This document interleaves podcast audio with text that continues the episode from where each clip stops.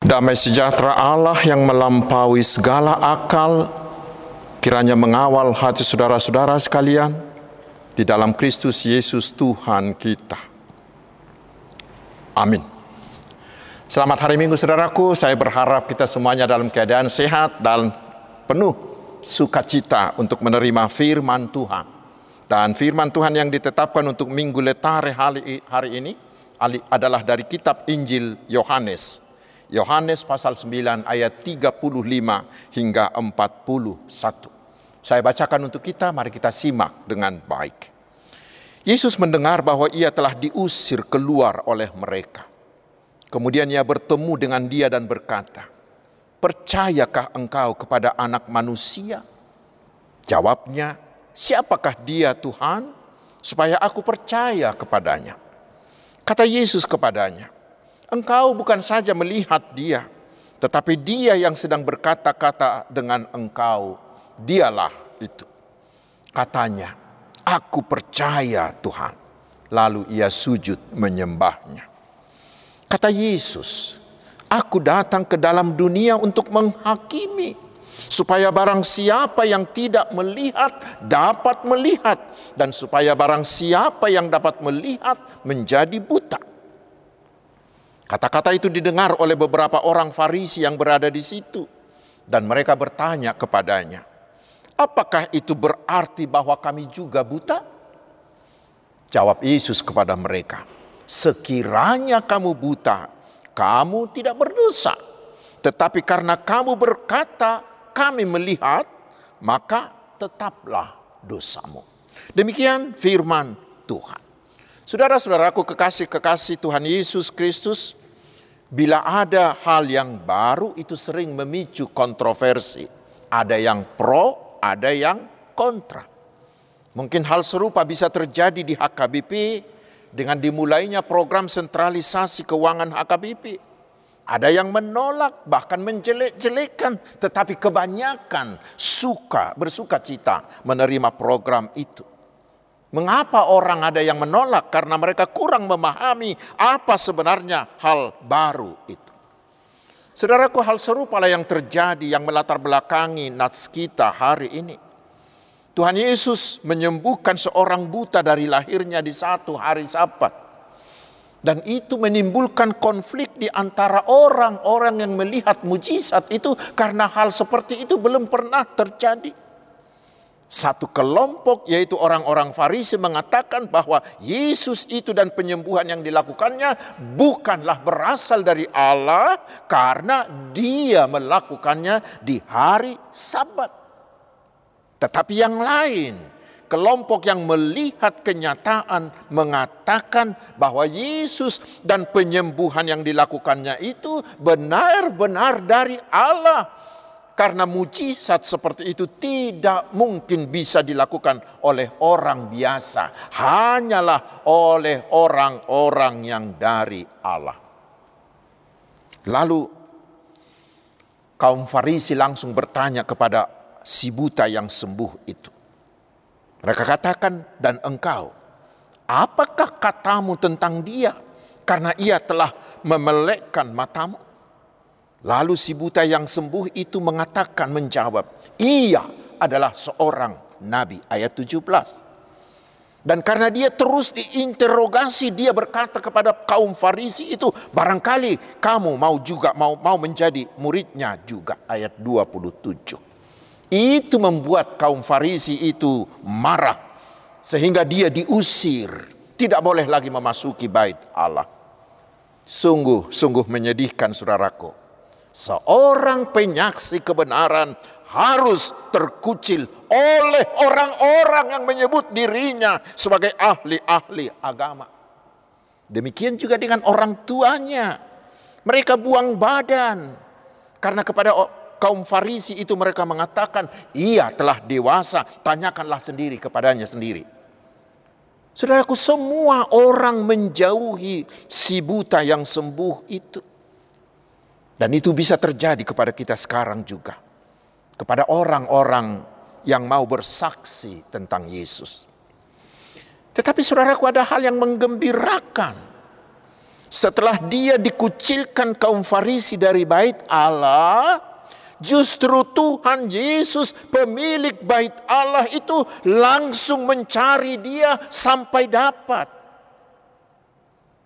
Karena itu ingat saudaraku, ketika kita dikucilkan orang karena kebenar kita memberitakan kebenaran Yesus, ketika tidak ada lagi orang yang mau menemani dan membantu kita, jangan takut.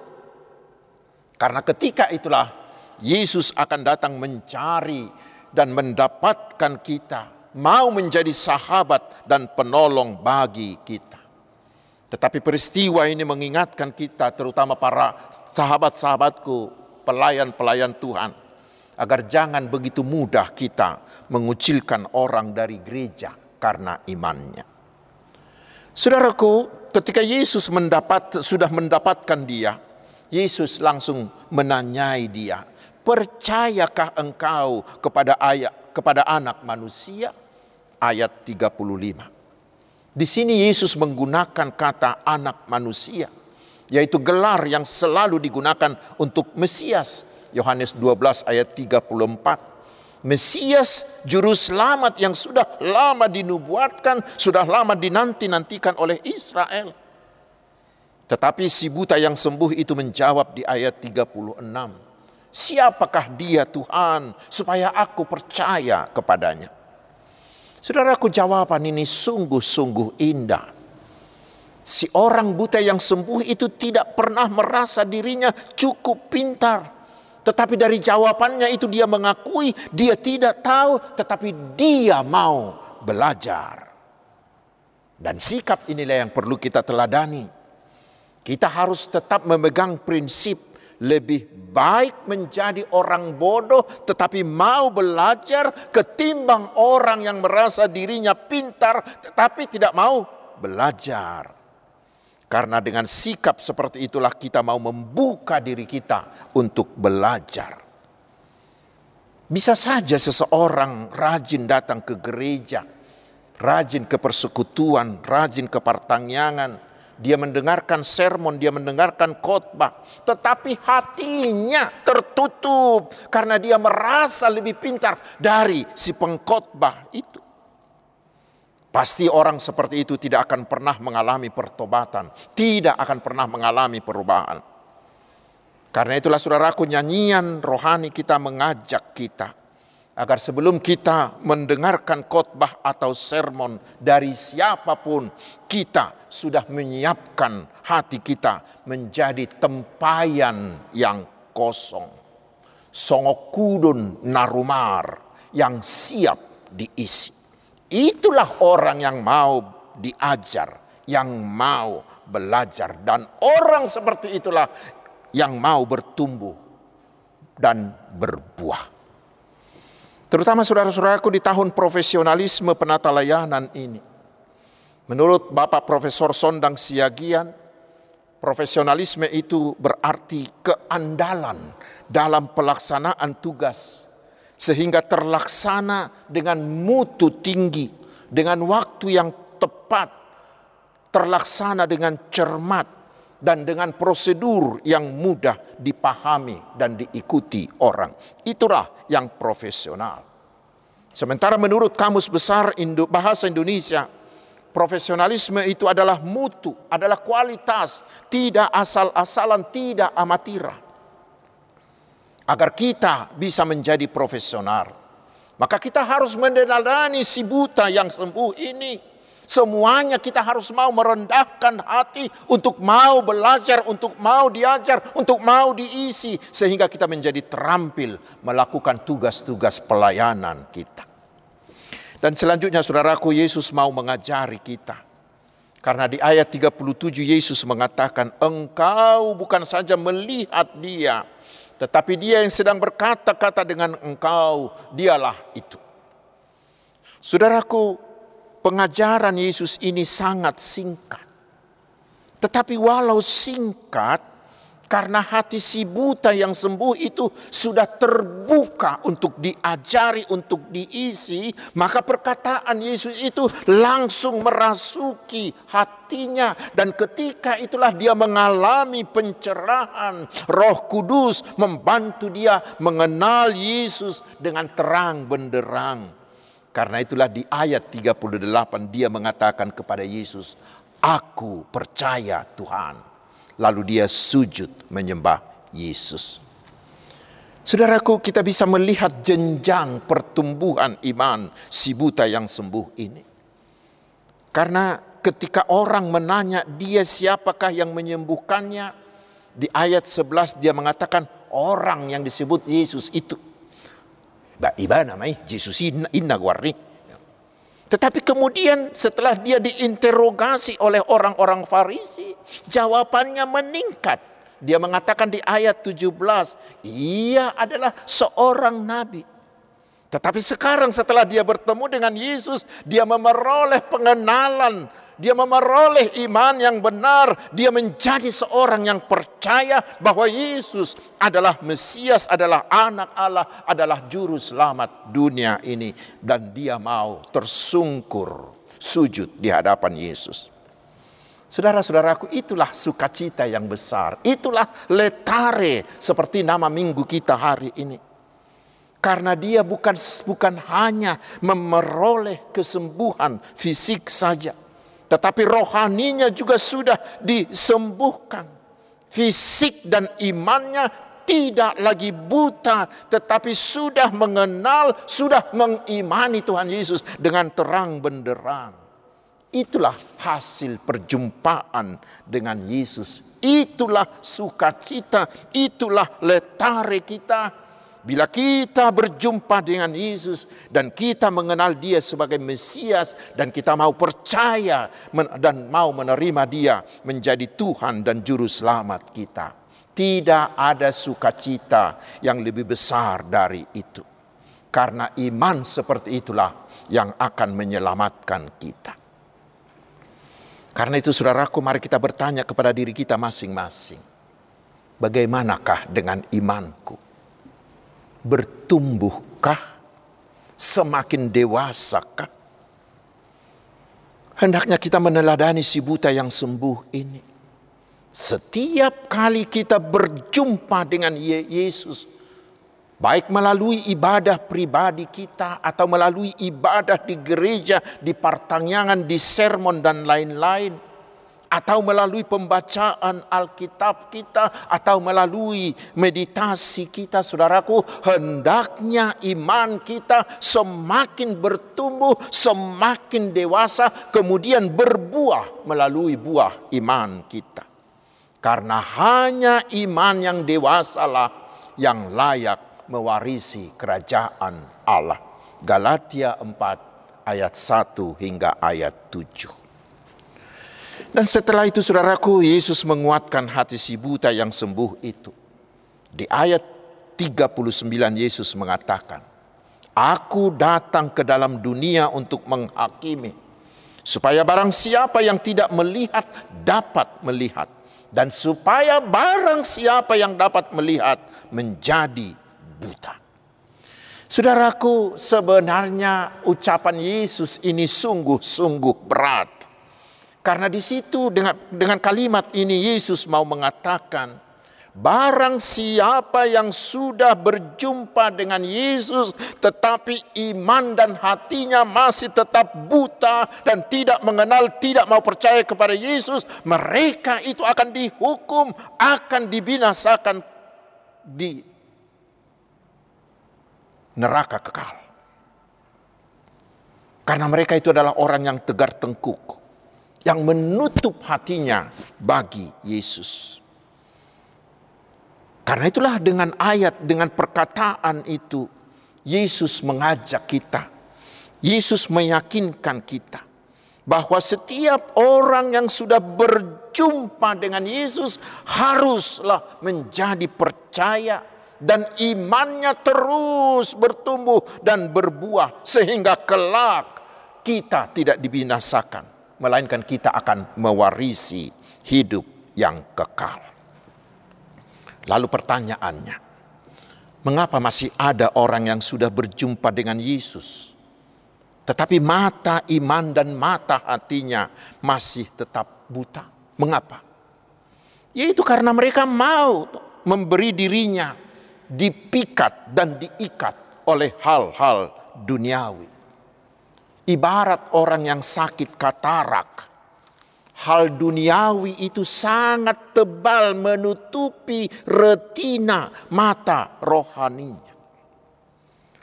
Lalu saya ingat ketika mata saya beberapa tahun yang lalu mengalami katarak dan saya sempat menunda-nunda untuk dioperasi. Si dokter ahli mata itu mengatakan ke saya, "Pak, jangan ditunda-tunda terlalu lama. Nanti kataraknya semakin tebal dan nanti menjadi sangat sulit mengupasnya. Dan Bapak nanti akan kesakitan, kesakitan walau dioperasi dengan laser sekalipun. Saudaraku demikian halnya bila kita membiarkan hal duniawi terlampau lama menutupi mata iman dan mata hati kita seperti orang-orang Farisi itu.